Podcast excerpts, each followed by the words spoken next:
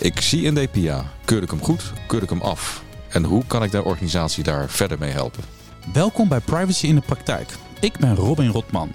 In deze podcast van het Centrum Informatiebeveiliging en Privacybescherming bespreek ik met functionarissen gegevensbescherming en andere deskundigen de dilemma's waar deze FG's mee te maken hebben. Vandaag de gast Sergej Katous, FG bij verschillende gemeentes. Hij schreef een boekje, of een boek moet ik eigenlijk zeggen, Hoe ben je FG? En hij is partner bij Privacy Management Partners. Even neerzetten, wat doen jullie daar? Uh, wij helpen organisaties zoals gemeente, daarom ben ik gemeente FG, uh, om uh, goed om te gaan met de AVG. En aan de andere kant, Marie-José Bondhuis, privacy en IT-jurist bij Privacy One. En je bent ook weer FG bij verschillende organisaties. Jij kan ook alles eigenlijk, hè? Nou, dat zijn, uh, er zijn anderen om dat te bepalen, maar ik vind het leuk dat je het zegt. Hey Sergey, die DPA, je komt hem constant tegen. Uh, Data Protection Impact Assessment. Wat is het nou eigenlijk voor een ding? Ik probeer het altijd uh, uit te leggen als de milieueffectentoets op de digitale leefomgeving. En dat is een hele mond vol. Maar eigenlijk zeg je daarin, stel je daarin de vraag: wat doet het nou als je hier met deze gegevens aan de slag gaat? En waarom, en dat is heel letterlijk, wat is het effect van het nemen van beschermende maatregelen? Kun je daarmee op een maatschappelijk verantwoorde manier dan met die data wel omgaan? dus uh, eigenlijk vergelijk ik het met een, uh, een, een, een, filter op de schoorsteen van een fabriek. Zonder die filter vervuilt de fabriek.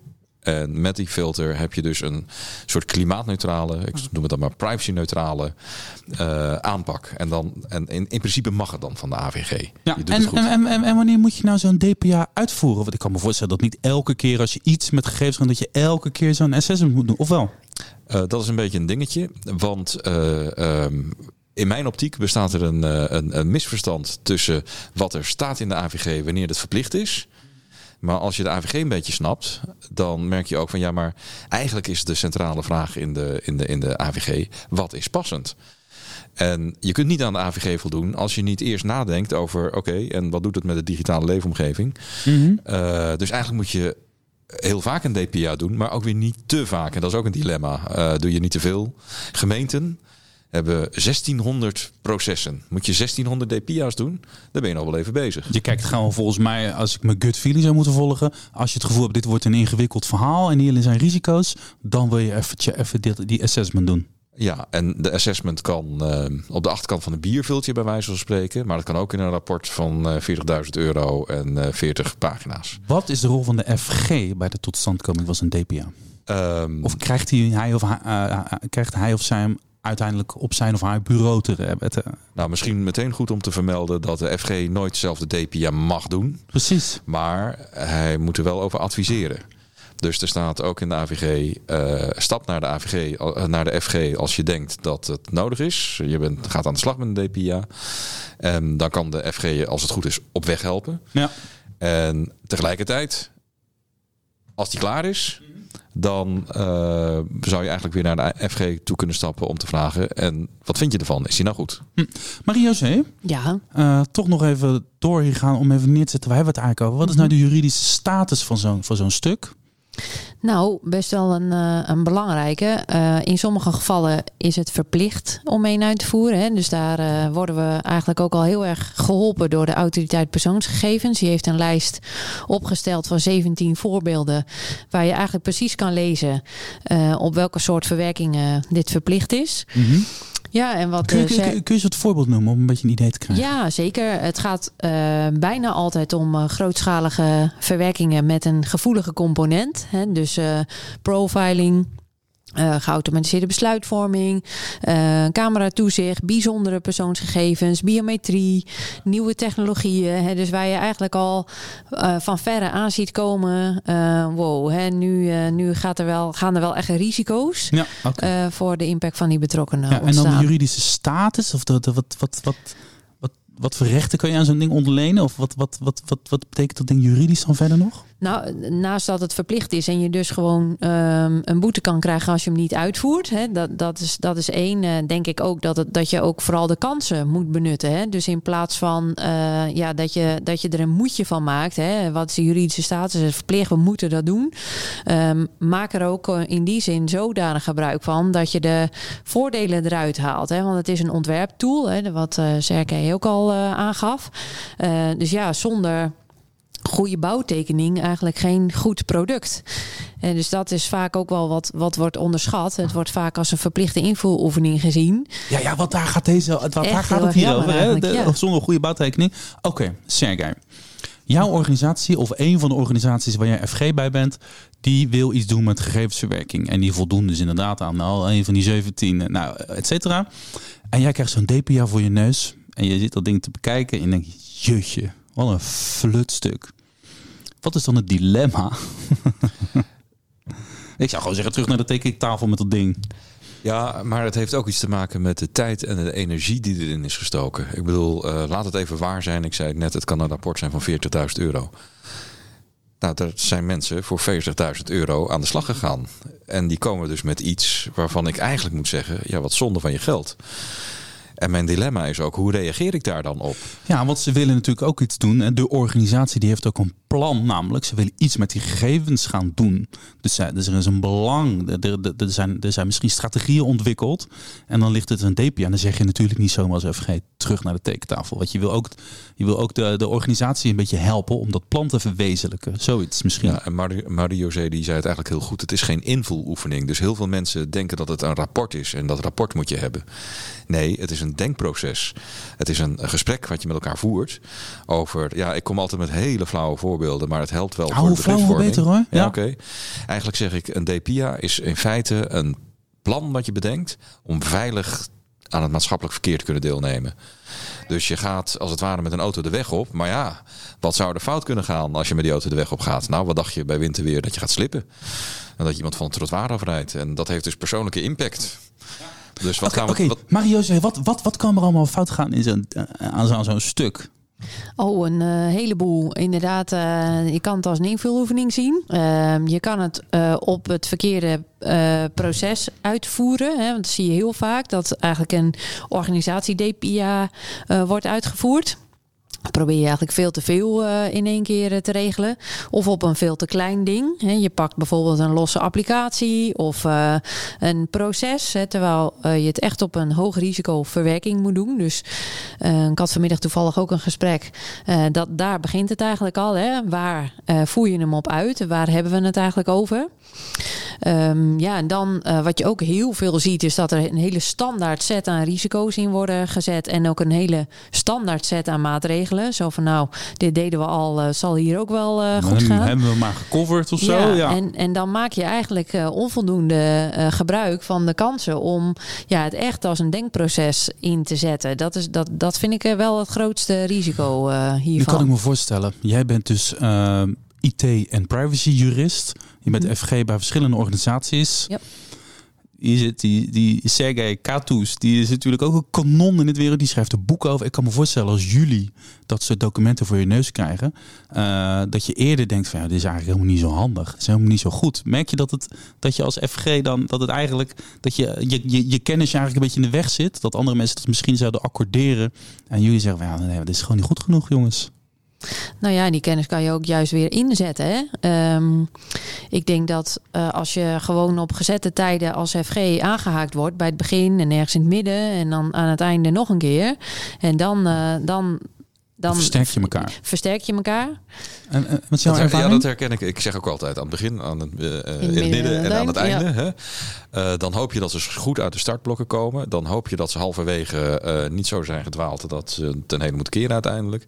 En aan het einde van de rit, dan zou er dus een goed product moeten liggen. En dan kom ik het nog tegen dat het toch weer niet helemaal gelukt is. Oké, dus dit is al een deel van de, van de oplossing voor dit dilemma. Hè? Wat moet ik als FG als ik, zo, als ik zo'n uh, eh, DPA voor mijn neus heb waar, waar eigenlijk niet goed genoeg is? Is even nog concreet, uh, Sergej. Kan jij een voorbeeld geven uit jouw werk? Je hebt er misschien wel duizenden inmiddels.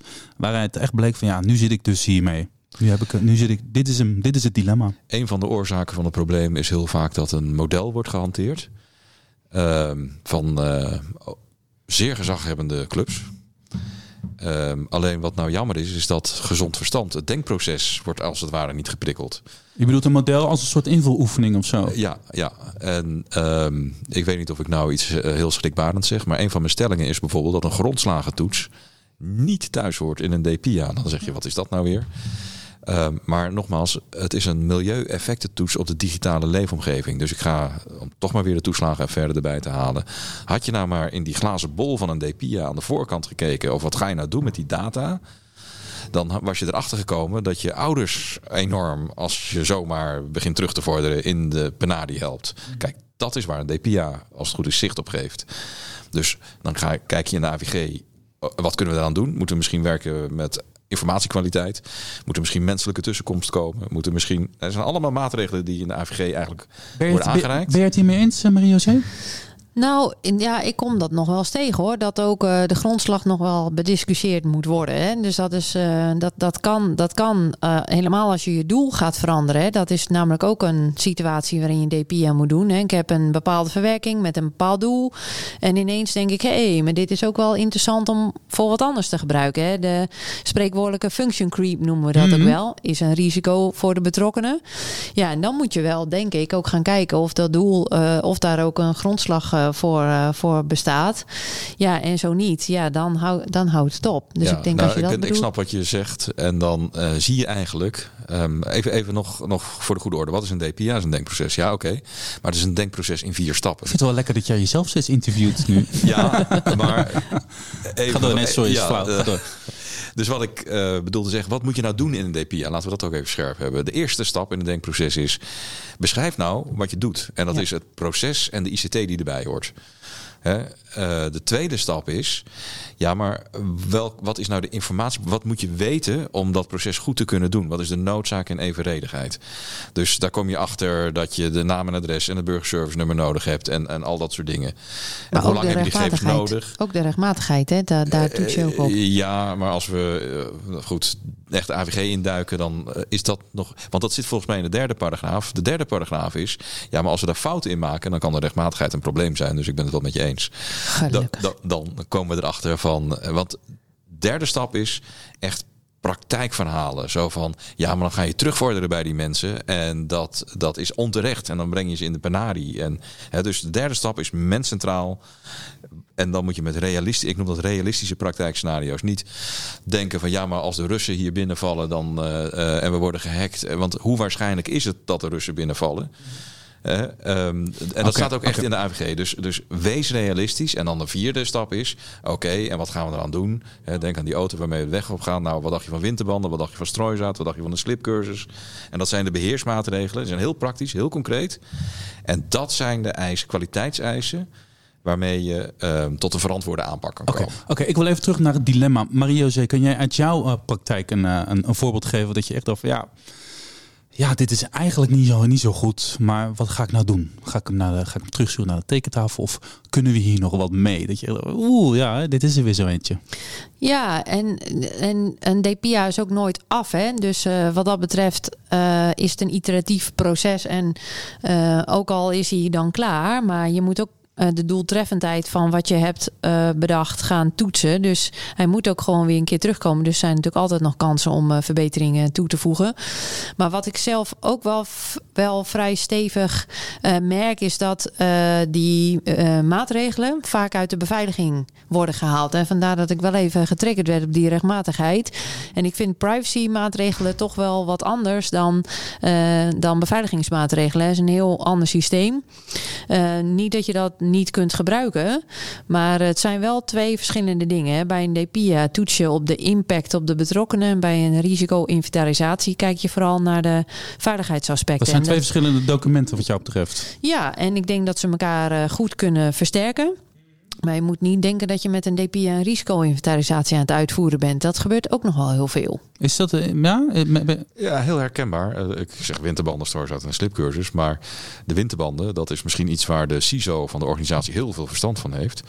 Maar de slipcursus, dat is iets wat uh, cultureel is. En uh, gaat over ja, training en bewustwording okay. en dat soort zaken.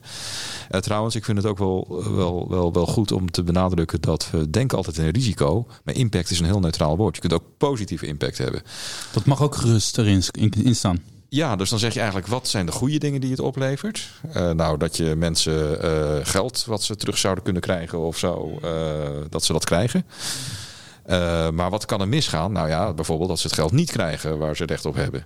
Of dat je gaat terugvorderen. Of dat je, dat je ze dus eigenlijk verkeerd gaat behandelen. Dus eigenlijk zit je heel snel meer in de Kafkaeske toestanden die je wil voorkomen, dan dat het een privacy iets is. Oké, okay. oplossingen. Ik hoor jullie eigenlijk al zeggen, allebei, jullie waren het met elkaar eens. Je moet aan de voorkant moet je erbij zijn. Je moet halverwege eventjes je snuffert laten zien. En aan het einde moet je erbij zijn. Dus je moet eigenlijk meer betrokkenheid hebben bij de, bij de totstandkoming uh, uh, van het document eigenlijk. Hè? Ja. Oké, dan um, dat is wat je dan, dan hou je een beetje overzicht. Maar dan zijn er volgens mij twee scenario's die kunnen plaatsvinden.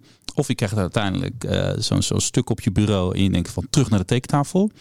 Um, nou, dan, dan moet je dat op op een of andere manier moet je dat doen. En dat moet je op, misschien op een diplomatieke manier doen, zodat iedereen ook dat je iedereen meekrijgt. Mee of je denkt van nou, oké, hier valt nog wel wat van te maken. Dat je, met, dat je zegt van oké, ik ga je een beetje supporten. Is dat eerste scenario, dat het ding terug naar de tekentafel? Wanneer doe je dat? Wat, en dan is misschien een beetje abstract, maar wanneer is het echt te slecht om, om door te gaan dat je echt nu moet hij terug? En hoe doe je dat dan?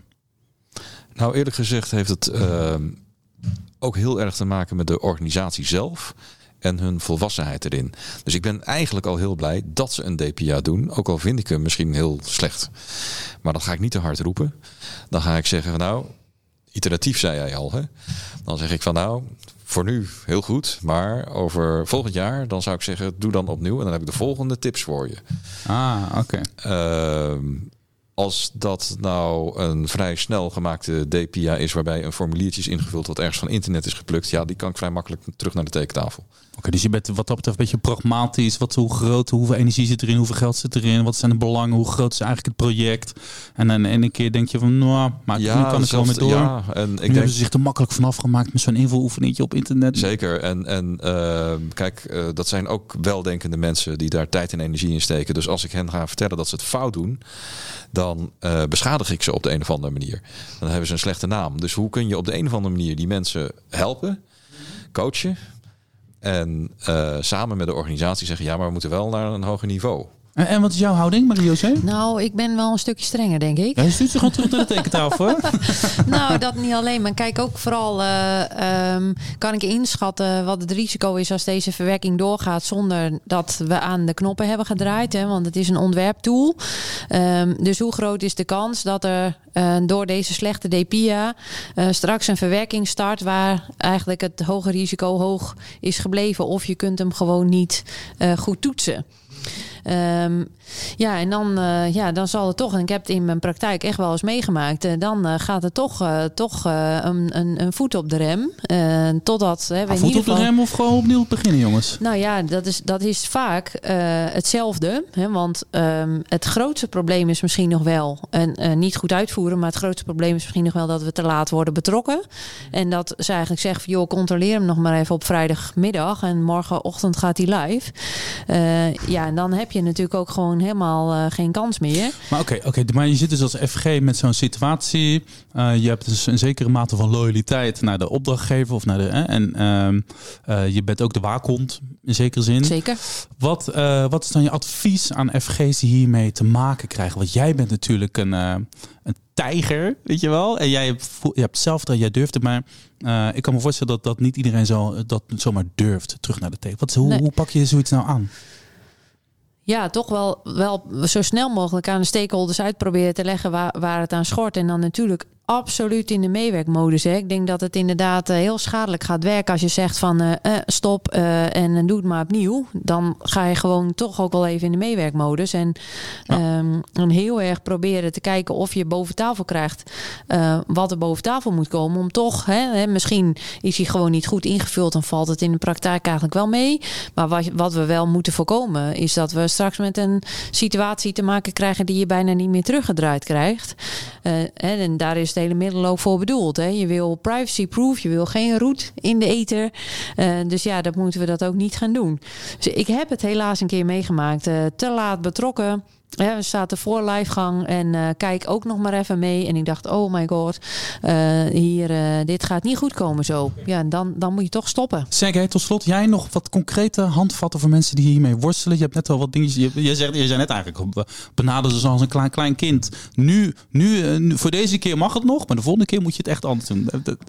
Ja, zeg een beetje badinerend nu. Ja, nee, maar het hangt er vanaf. het, ik denk dat het ook wel even goed is. Hebben we het over een DPIA op een bestaand proces? Bijvoorbeeld, je kunt niet even de salarisuitbetaling stopzetten of zo. Uh, als dat de impact zou zijn van, van jouw interventie. Of zijn we bezig met iets nieuws bedenken, uh, met enorme risico's. Nou, dan zou ik ook meteen aan de rem trekken. Hè? Um, dus de tip is eigenlijk vooral: uh, vaar niet al te blind op modellen die je ergens op internet van internet downloadt, hoe gezaghebbend het ook is. Begrijp nou de functie ervan. En de functie ervan is nadenken over wat, wat, doen, wat zijn we nou aan het doen? En wat is daarop van de maatschappelijke impact als we dat zonder maatregelen doen. En dat is eigenlijk een gewetensvraag die je stelt met elkaar.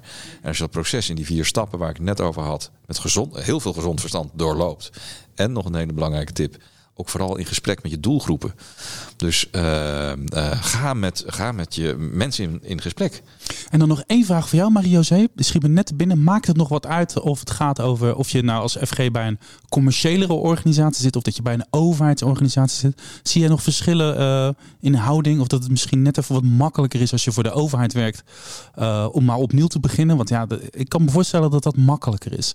Ja, wat ik wel zie is dat bij de overheid het vaak om angst om in de publieke opinie terecht te komen. We doen iets en uh, daar, uh, dat is echt uh, een veel voorkomend geval. En dan wordt er naar de DPA gekeken en dan is hij niet uitgevoerd. En dan heb je gewoon een publiek probleem. Ja. En bij commerciële moet je echt ja, soms gewoon wel echt stevig in je schoenen staan. Als je voelt dan echt de druk, wat gaat hier om knaken die niet ja, worden. Innovatie, we ja. willen door en niet te veel last hebben van die privacy. Terwijl ja, het, het eigenlijk een supermooi middel is om ook de kansen te benutten. En dat wil ik toch maar wel even gezegd hebben.